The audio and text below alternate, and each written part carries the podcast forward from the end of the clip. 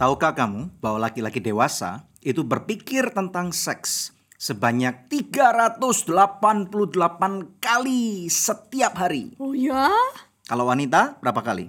10 kali katanya. Kok bisa gitu?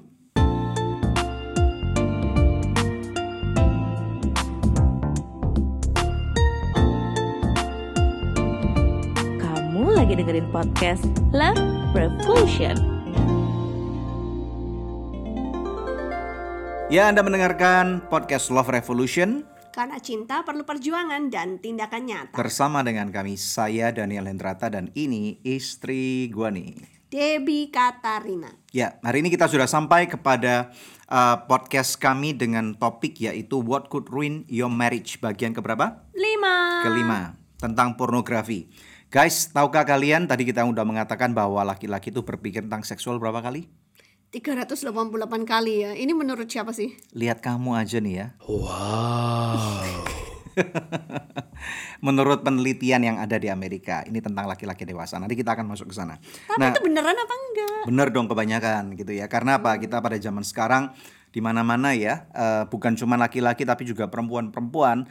eh, pada zaman ini kita semua dibombardir dengan kita bisa katakan sexual revolution kali ya.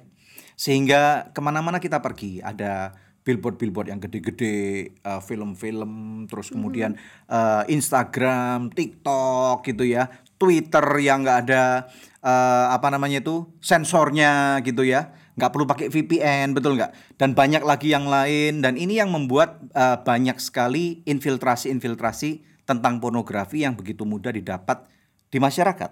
Hmm, bukannya kalau di Indonesia itu badan sensornya kuat. Seharusnya, tetapi namanya orang yang mencari lika-liku itu dapat aja. Betul nggak? Betul nggak? Betul nggak? Betul nggak? tahu tanya sama yang berlika-liku. Betul nggak? ya kan? Nah, jadi ini yang terjadi. Tetapi pertanyaannya kenapa kok bisa seperti itu loh? Apakah hanya penyebabnya pornografi belaka atau ada yang lain? Nah, ternyata kalau kita ditanya seperti itu, kita harus kembali kepada eh, citra awal mulanya nih ya. Bagaimana eh, kita nih sebagai manusia diciptakan oleh Tuhan. Nah, zaman dulu pada waktu zaman penciptaan tentunya kita tahu bahwa manusia masih nggak banyak. Dunia ini sebegitu gede banget.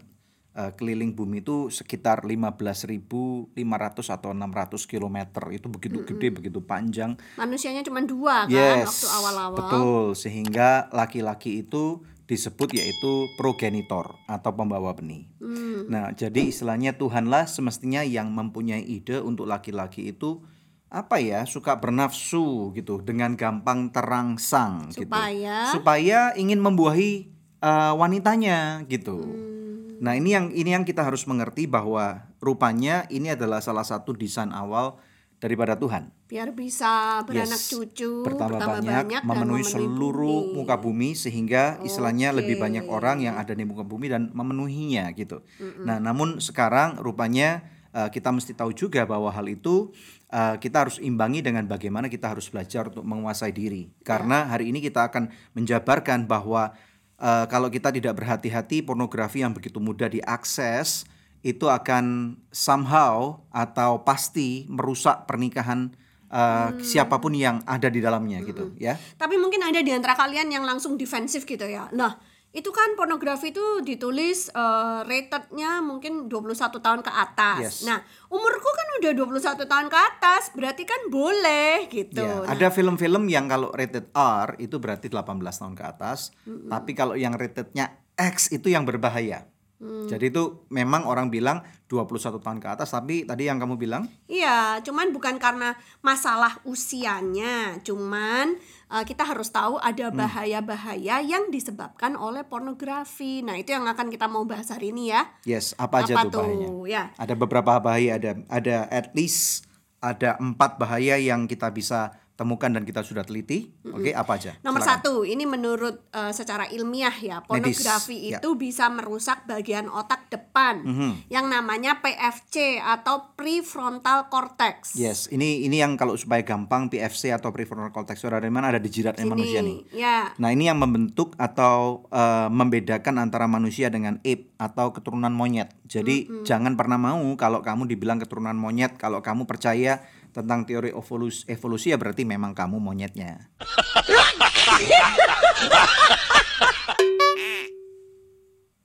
percaya nggak? Enggak. Ya udah, makanya berarti ini yang mem- memisahkan, membedakan gitu.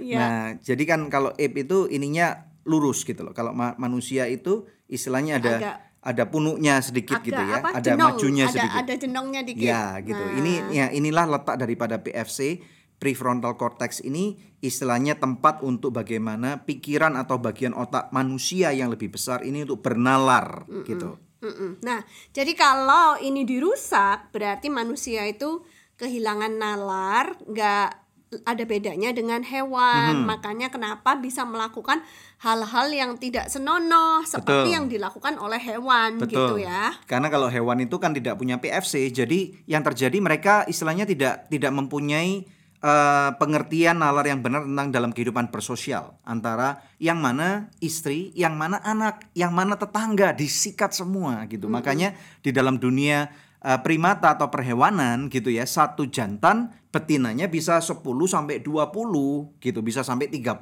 gitu ya. Tetapi kalau kita sebagai manusia, kita tidak menyebutnya sebagai pejantan dan betina, tetapi kita laki-laki dan perempuan gitu ya. Uh, male and female. Ya, kalau desain awal memang kita harus tahu bahwa di dalam pernikahan kita udah bahas berkali-kali nih ya. uh, bahwa pernikahan yang benar itu adalah satu laki-laki dan Satu perempuan. satu perempuan, oke? Ya. Oke, kita lanjut ya. Yes. Jadi poin yang pertama, awas PFC jangan sampai rusak. Yang kedua, ketika nonton pornografi ternyata dibuktikan bahwa ada produksi dopamin yang berlebih-lebihan. Mhm. Dopamin itu apa sih? Dopamin itu adalah hormon yang diproduksi oleh otak kita, yang mana memberikan rasa tenang, rasa senang, rasa nyaman. Nah, kita mesti tahu nih bahwa pada waktu rangsangan seksual secara natural terjadi, maka dopamin ini akan akan keluar, terproduksi gitu ya. Dan kemudian kita akan makanya pada waktu terjadi hubungan seksual dan pada waktu terjadi orgasme atau kepuasan dalam seksual, maka dopamin akan dirilis dan kemudian kebanyakan kita akan merasa tenang, kita akan merasa lebih tahan sakit gitu ya, kita akan merasa nyaman, kita akan lupa masalah kita. Kayak orang ngefly gitu loh. Cuman masalahnya kalau Nah, Pada waktu lihat pornografi, ya, ini istilahnya itu- seperti keran yang dibuka dan pakai pompa air yang gede jadi seperti air bah. Bor, Ya, banjir jadi gitu. banjir dopamin sehingga akhirnya orang itu benar-benar seperti efek narkobanya kuat banget. Makanya ini disebut Hmm. yaitu salah satu bagian narkolema atau narkoba lewat mata. Hmm. Ini seperti salah satunya yang kita pernah bahas beberapa episode yang lalu yaitu tentang game. Hmm. Ya, jadi ternyata game online atau game dan juga narkoba ini memiliki efek eh, rusak yang sama kalau kita tidak mengerti cara memanagenya dengan baik bisa merusak PFC. Nah masalahnya ini Dep, banyak orang nggak tahu bahwa PFC ini akan terbentuk dengan eh, utuh, Utuh. atau sempurna pada waktu seseorang mencapai usia 25 lima tahun. Jadi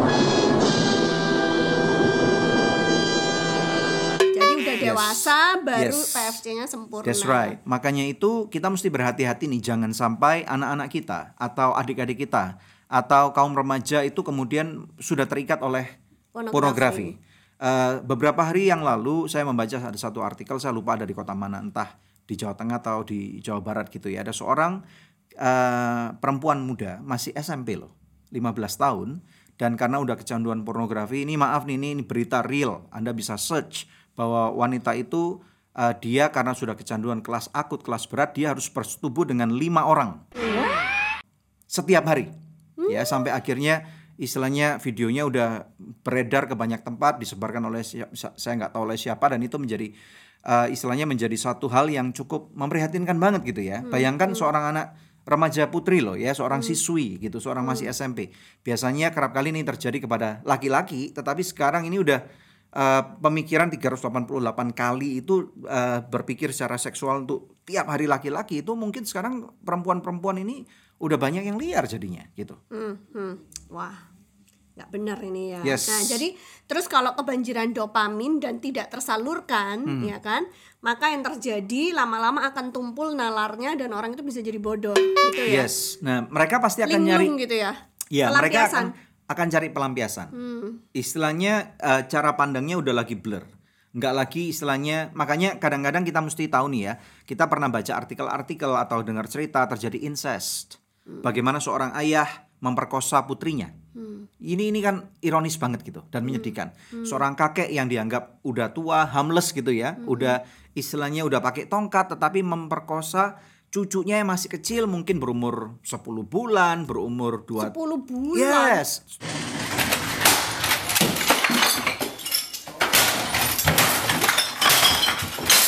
True, berumur 2 tahun, berumur lima tahun karena apa? Hal-hal seperti ini yang kerap kali terjadi atau mungkin eh, anak-anak kecil yang bermain-main, you know sama-sama temennya mungkin selama mungkin ada yang ada yang misalnya yang kita saya pernah baca satu artikel juga seorang anak SD kelas 5 eh, menghamili eh, pacarnya yang SMP 3. Are you stupid or something? Ini ini gila banget gitu. Nah, ini ini Memang zaman edan ya. ini ini gila banget karena inilah yang terjadi pada waktu eh, seksualitas tidak diperhatikan atau dimanage dengan baik. Hmm, hmm. Iya, iya. Nah, terus pelampiasannya juga orang kalau nonton pornografi terus tapi belum misalnya buat orang-orang yang belum menikah, Yes. maka mereka pasti akan melakukan namanya masturbasi. Masturbasi atau pergi ke Atau, pelacuran. hmm. Ini bahaya banget belum lagi masalah penyakit seksual gitu ya. Dan kemudian penyimpangan-penyimpangan yang akhirnya tidak sehat dan terutama kalau kita kerucutkan nih dalam konteks eh, pernikahan. Akhirnya seorang suami akan melihat istrinya nggak sama lagi. Why is that? Karena eh, seorang suami biasa, misalnya seorang laki-laki terbiasa untuk melihat pornografi, melihat wanita-wanita yang eh, begitu jauh lebih cantik karena mereka it's all by design. Eh, istilahnya kalau saya pernah baca artikel di dalam dunia-dunia eh, istilahnya pornografi itu wanita yang berumur 27 tahun itu sudah dianggap uzur. Sudah dianggap uzur gitu ya. Kusur semua dong di ruangan ini. Yes, sudah dianggap nggak laku. Gitu. Jadi mereka akan mencari gadis-gadis yang sangat muda, 17, 18, 19, 21 tahun itu prime-prime-nya. 27 tahun udah nggak kep- kepake. Gitu. Dan of course, istilahnya mereka belum punya anak, eh, bodinya masih masih istilahnya masih masih gadis belia atau masih remaja belia gitu ya. Masih masih singset gitu ya dan laki-lakinya memandang istrinya yang udah istilahnya nggak nggak pernah eh, jaga badan anaknya mungkin tiga anaknya mungkin lima dan nggak mungkin It's saingan gitu lah ya. yes. I mean like saingan sama artis-artis yang nggak buka baju aja nggak nggak menang apalagi saingan sama yang buka baju gitu Hmm. Betul, kan ya. betul. Tapi anyway eh, akhirnya itu buat orang tidak bisa membedakan antara yang real dengan yang tidak Yes, real. yes. Karena apa yang ada di film pornografi itu tentunya semuanya sudah diatur dengan kamera trik, dengan angle kamera, ya kan lighting dan lain sebagainya sehingga dalam dunia nyata ya nggak mungkin bisa dapat yang seperti itu betul gitu. betul nah kalau misalnya udah kelas akut yang cukup bahaya itu akhirnya apa mereka tidak bisa lagi menikmati persetubuhan dengan istri atau suaminya yang sah mereka demand more sampai akhirnya mungkin mereka harus bergonta-ganti pasangan. Kadang-kadang ada yang sampai eh, apa menggunakan unsur kekerasan diikat gitu ya dan kemudian sampai diborgol sampai dipukul gitu. Ada beberapa yang sampai kelewatan sampai meninggal gitu ya. Dan kemudian ada yang sampai istilahnya yang macam-macam lah yang yang yang istilahnya yang begitu parah itu menjadi apa ya satu masalah sehingga bisa dikatakan orang yang kecanduan pornografi secara akut itu jiwanya tergoncang dan terganggu Jadi ini semua perbuatan yang maksiat itu Yes. bisa di, di ber- apa dititik poinkan kepada satu penyebab yaitu pornografi. pornografi betul makanya itu berhati-hati eh, jangan sampai apalagi misalnya eh, ada orang-orang yang mungkin berkata pada waktu mereka mau berhubungan mereka harus nonton pornografi dulu. Gitu. Tujuannya apa? Ada yang bilang bahwa mereka mau cari inspirasi to be inspired gitu. Tapi ya Padahal- menurutku ya nggak Ya, perlu kayak gitu itu. Karena kalau misalnya kita mau cari idem, itu yang yang benar adalah mintalah kepada sumber segala ide. Oke, jadi supaya eh, istilahnya dapat kreasi-kreasi baru gitu. Iya dong, Oke. minta sama Tuhan karena Tuhan itu sumber segala ide yang ada, sumber segala ide yang brilian, yang bombastis gitu. Ada ide nggak untuk aku nanti malam? Ntar aku tanya Tuhan dulu ya. Ya, jadi ini ini mesti berhati-hati guys. Jadi, Jadi terus jangan gimana jangan dong? sampai pernikahan kita yang kita bangun pernikahan itu kan kompleks. Pernikahan itu kan dibangun dengan susah payah. Eh, kita kita tidak mau pernikahan itu kemudian tiba-tiba hancur dan kemudian kita tidak lagi menghargai pernikahan. Kita nggak boleh lupa bahwa pernikahan itu desain awalnya dari sang pencipta kita dan kemudian bagaimana kita kadang-kadang ada orang-orang yang menikah awalnya itu susah loh. Ya kan? misalnya tidak disetujui oleh orang tua yang laki, tidak disetujui oleh orang tua yang perempuan, mereka harus susah payah untuk mencari income dan tiba-tiba kemudian pada waktu rusak, hancur, terjadi perceraian dan kemudian akhirnya ya gara-gara apa? Gara-gara masalah yang satu ini. Jalan keluarnya apa? Jalan keluarnya yang pertama, tadi yang kamu bilang bahwa go back to you, to, the- to your manufacturer. Jadi kalau mau kamu punya mobil, mobilnya rusak, yang eh, paling benar untuk eh, istilahnya sumber untuk membenarkan ya adalah bawa ke dealer ATPM-nya gitu. Karena dealernya yang paling tahu dalam hal ini kalau kita sebagai manusia ciptaan Tuhan kalau sudah memang eh, rusak masalah pornografi ini ya tidak lain tidak bukan ya kita mesti tobat gitu. Selain kita tobat, mulai berdoa dan cari Tuhan. Tuhan, tolong saya. Saya berdosa. Saya sudah jatuh dalam hal seperti ini. Pernikahan saya hampir hancur, hampir runyam nih Tuhan. Tolong saya. Give me a way out. Give me wisdom. Jadi nggak ada cara lain. Ini yang cara yang paling ampuh nomor satu. Oke. Gitu.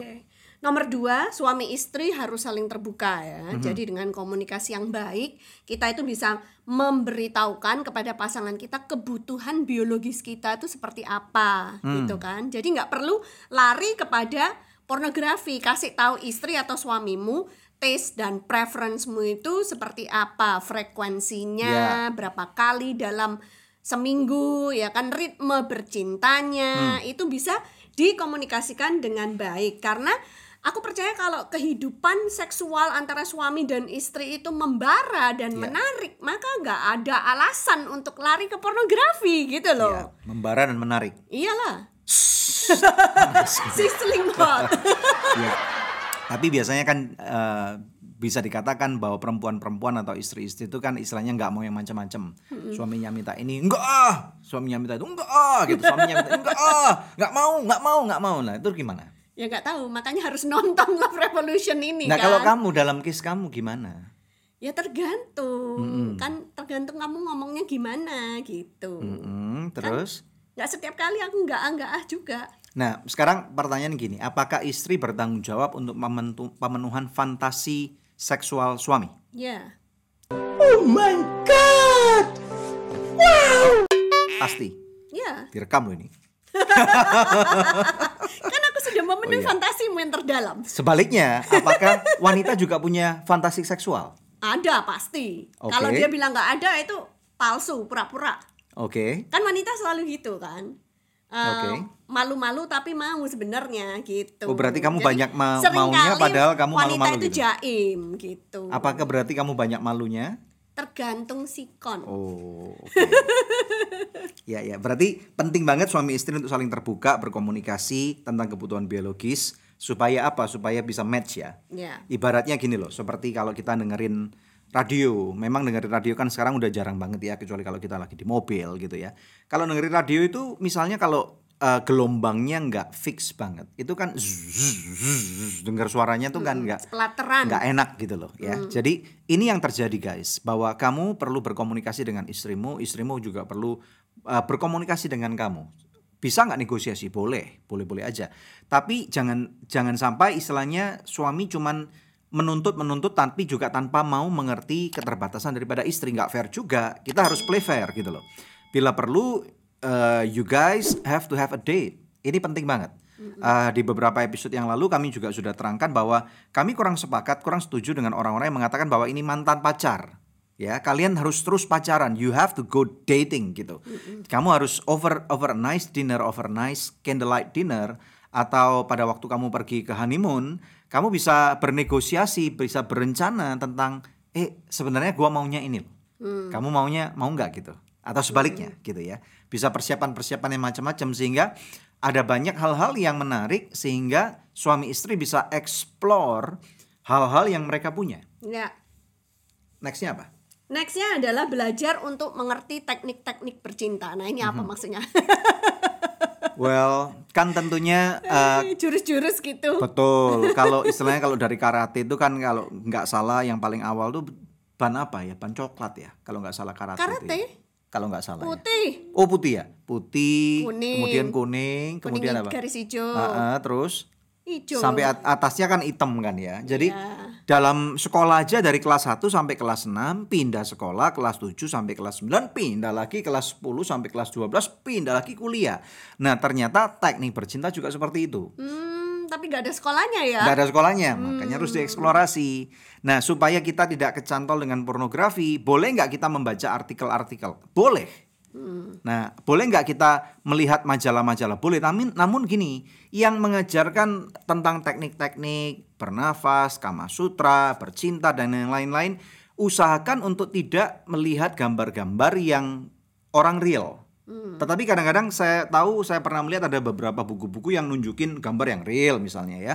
Nah itu kurang pas karena apa akan membuat kita untuk uh bagus banget nih keren banget ini. Kenapa saya nggak punya gitu kan? Ya kenapa istri saya nggak seperti itu? Kenapa suami saya nggak bisa seperti itu misalnya? Jadi harus ngelihat yang kartun punya ya. Yang kartun style, Ya, karikatur apa? atau yang model Stick manusia figure. lidi ya. Itu itu Ah. seperti itu lebih Ya. aman gitu loh ya. Yang kari- karikatur lah. Itu it's it's safer that way gitu ya. Sehingga kita bisa belajar dan kemudian eh, pada waktu kita mempelajari kita it, it's it's better lebih baik kalau misalnya suami istri mempelajarinya sama-sama. Right? Terus janjian. Iya gitu. dong. Teknik mana yang akan kita pakai nanti malam. Betul. Atau kalau kamu menemukan satu artikel yang menarik nih, biasa saya akan forward ke istri saya, gitu. Nih, asik nih. Ini perlu dipelajari nih untuk supaya kita bisa lebih mengerti nih, supaya we we, need- we want to we are able to spice up the night gitu. Iya, iya. ya kan? Atau mungkin kadang-kadang bukan cuma malam.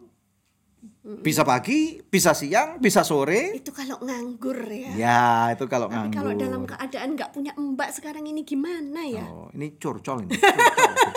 Siapa yang mau kerja di rumah kami? Silakan, silakan mau kerja di rumah kami. Ayo buka pendaftaran, buka pendaftaran ya. Nah, terus juga eh, sebagai istri ini ada tips buat istri ya. Perhatikan bahwa laki-laki itu adalah kaum yang visual. Jadi suamimu itu selalu suka melihat hal-hal yang indah yang bagus gitu kan.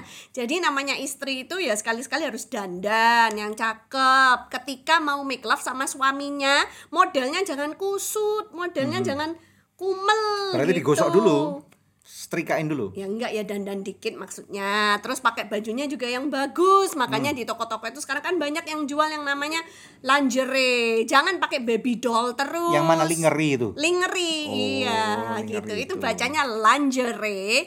Ya, kalau mau dibaca lingerie ya silakan. Kenapa itu disebut lingerie supaya supaya your husband linger to you. Wow. Gitu Iya, iya, iya. rahasianya Nah, salah satunya. Kalau kalau laki-laki dan perempuan suami istrinya yang sah itu bisa uh, belajar teknik-teknik bercinta, maka istilahnya ilmu mereka akan nambah dan kemudian akhirnya mereka akan istilahnya mendapatkan pemenuhan hasrat seksualitas mereka dari suami dan istrinya yang sah.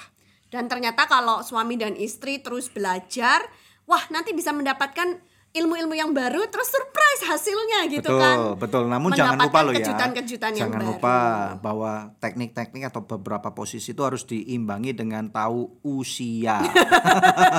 Jangan lupa pemanasan supaya nggak kram di tengah jalan.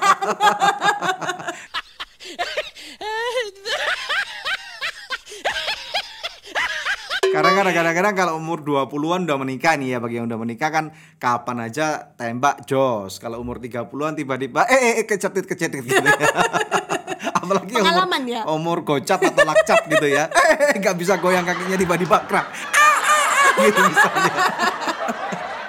ya jadi mesti berhati-hati makanya itu eh, diperlukan badan yang sehat. Nah, Ya, jadi salah satu kalau kamu mau punya teknik-teknik atau ginkang ginkang yang tinggi, maka jasmani kamu harus sehat, kamu harus rajin olahraga, badan kamu harus lentur, kamu harus sekali. uh, seli- sering stretching, sering berenang, sering sepedaan, sering uh, jalan kaki pagi misalnya, dan dengan tuju- dengan hal-hal seperti itu, nafas kamu akan lebih panjang. dan uh, itu membantu sekali napas panjang itu That's ya. right, gitu loh. Untuk Jadi performance yang lebih Of panjang. course, of course. Dan kemudian perlu olahraga yang konsisten. Istilahnya eh, seksualitas itu nggak cuma bisa boom terjadi begitu aja gitu ya.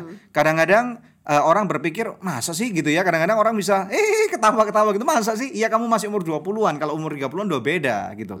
Umur 40-an udah beda, umur 50 beda lagi gitu. Tunggu aja nanti gitu. Yes, makanya itu perlu perlu di- direncanakan dengan matang nih. Perlu perlu dipikirkan, perlu dibicarakan sehingga eh, pernikahan itu bukan bukan sekali lagi pernikahan jangan sampai jadi kuburan cinta kamu. Mhm. Sangat menyedihkan banget sehingga akhirnya kalau pernikahan menjadi kuburan cinta akibatnya apa sih? Ya, nggak ada kehidupan di dalam pernikahan itu. Mhm. Ya, nggak ada sesuatu yang menarik gitu.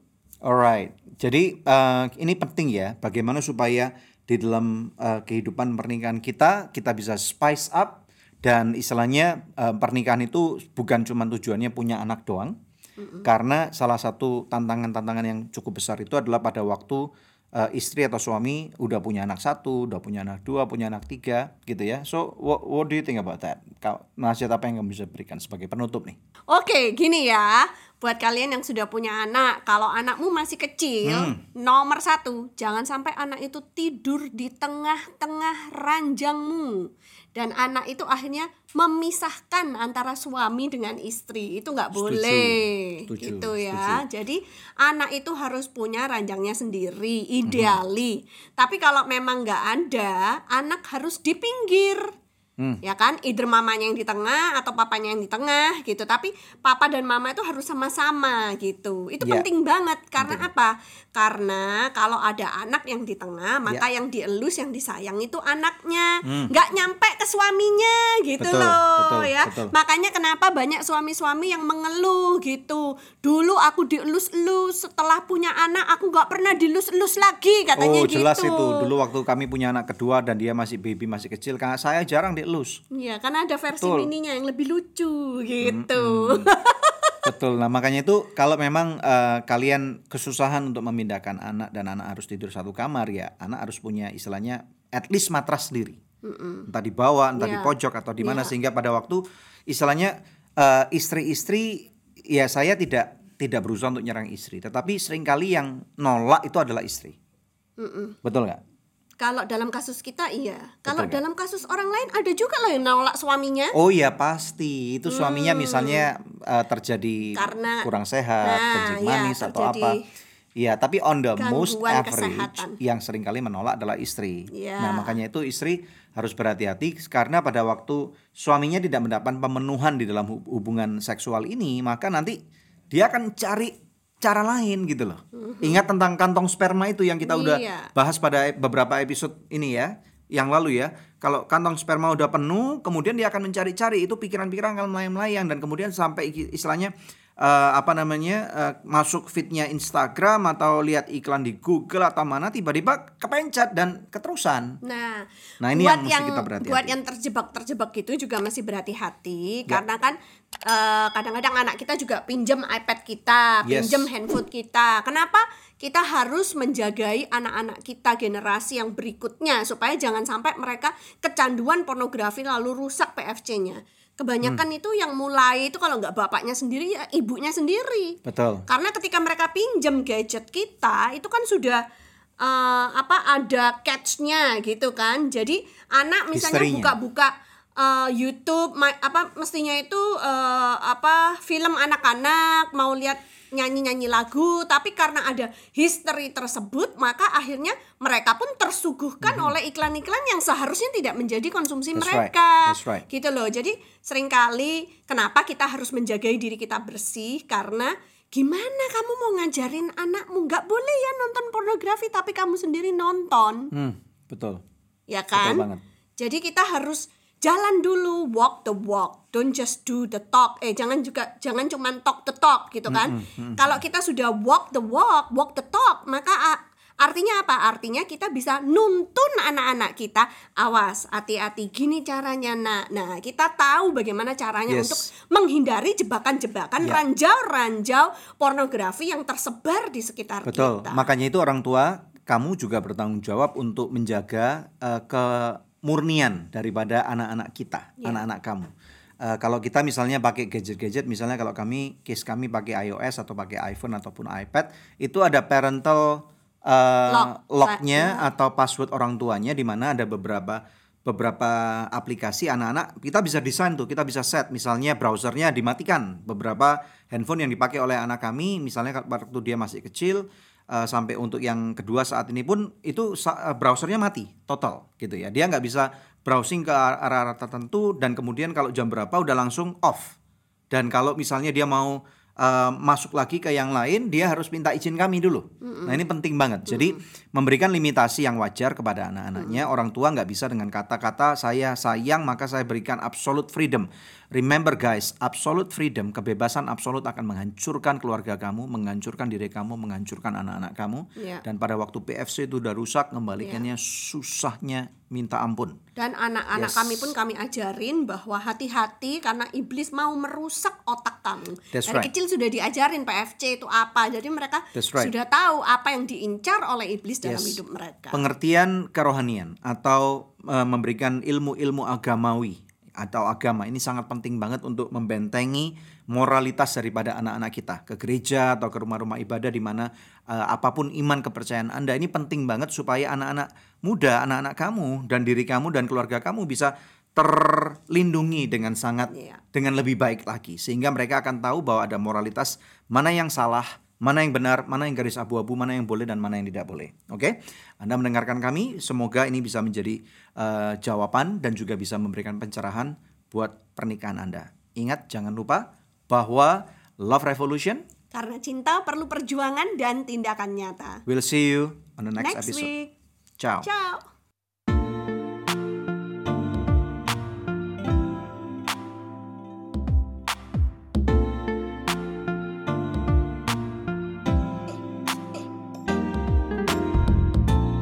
Terima kasih sudah tune in di podcast Love Revolution.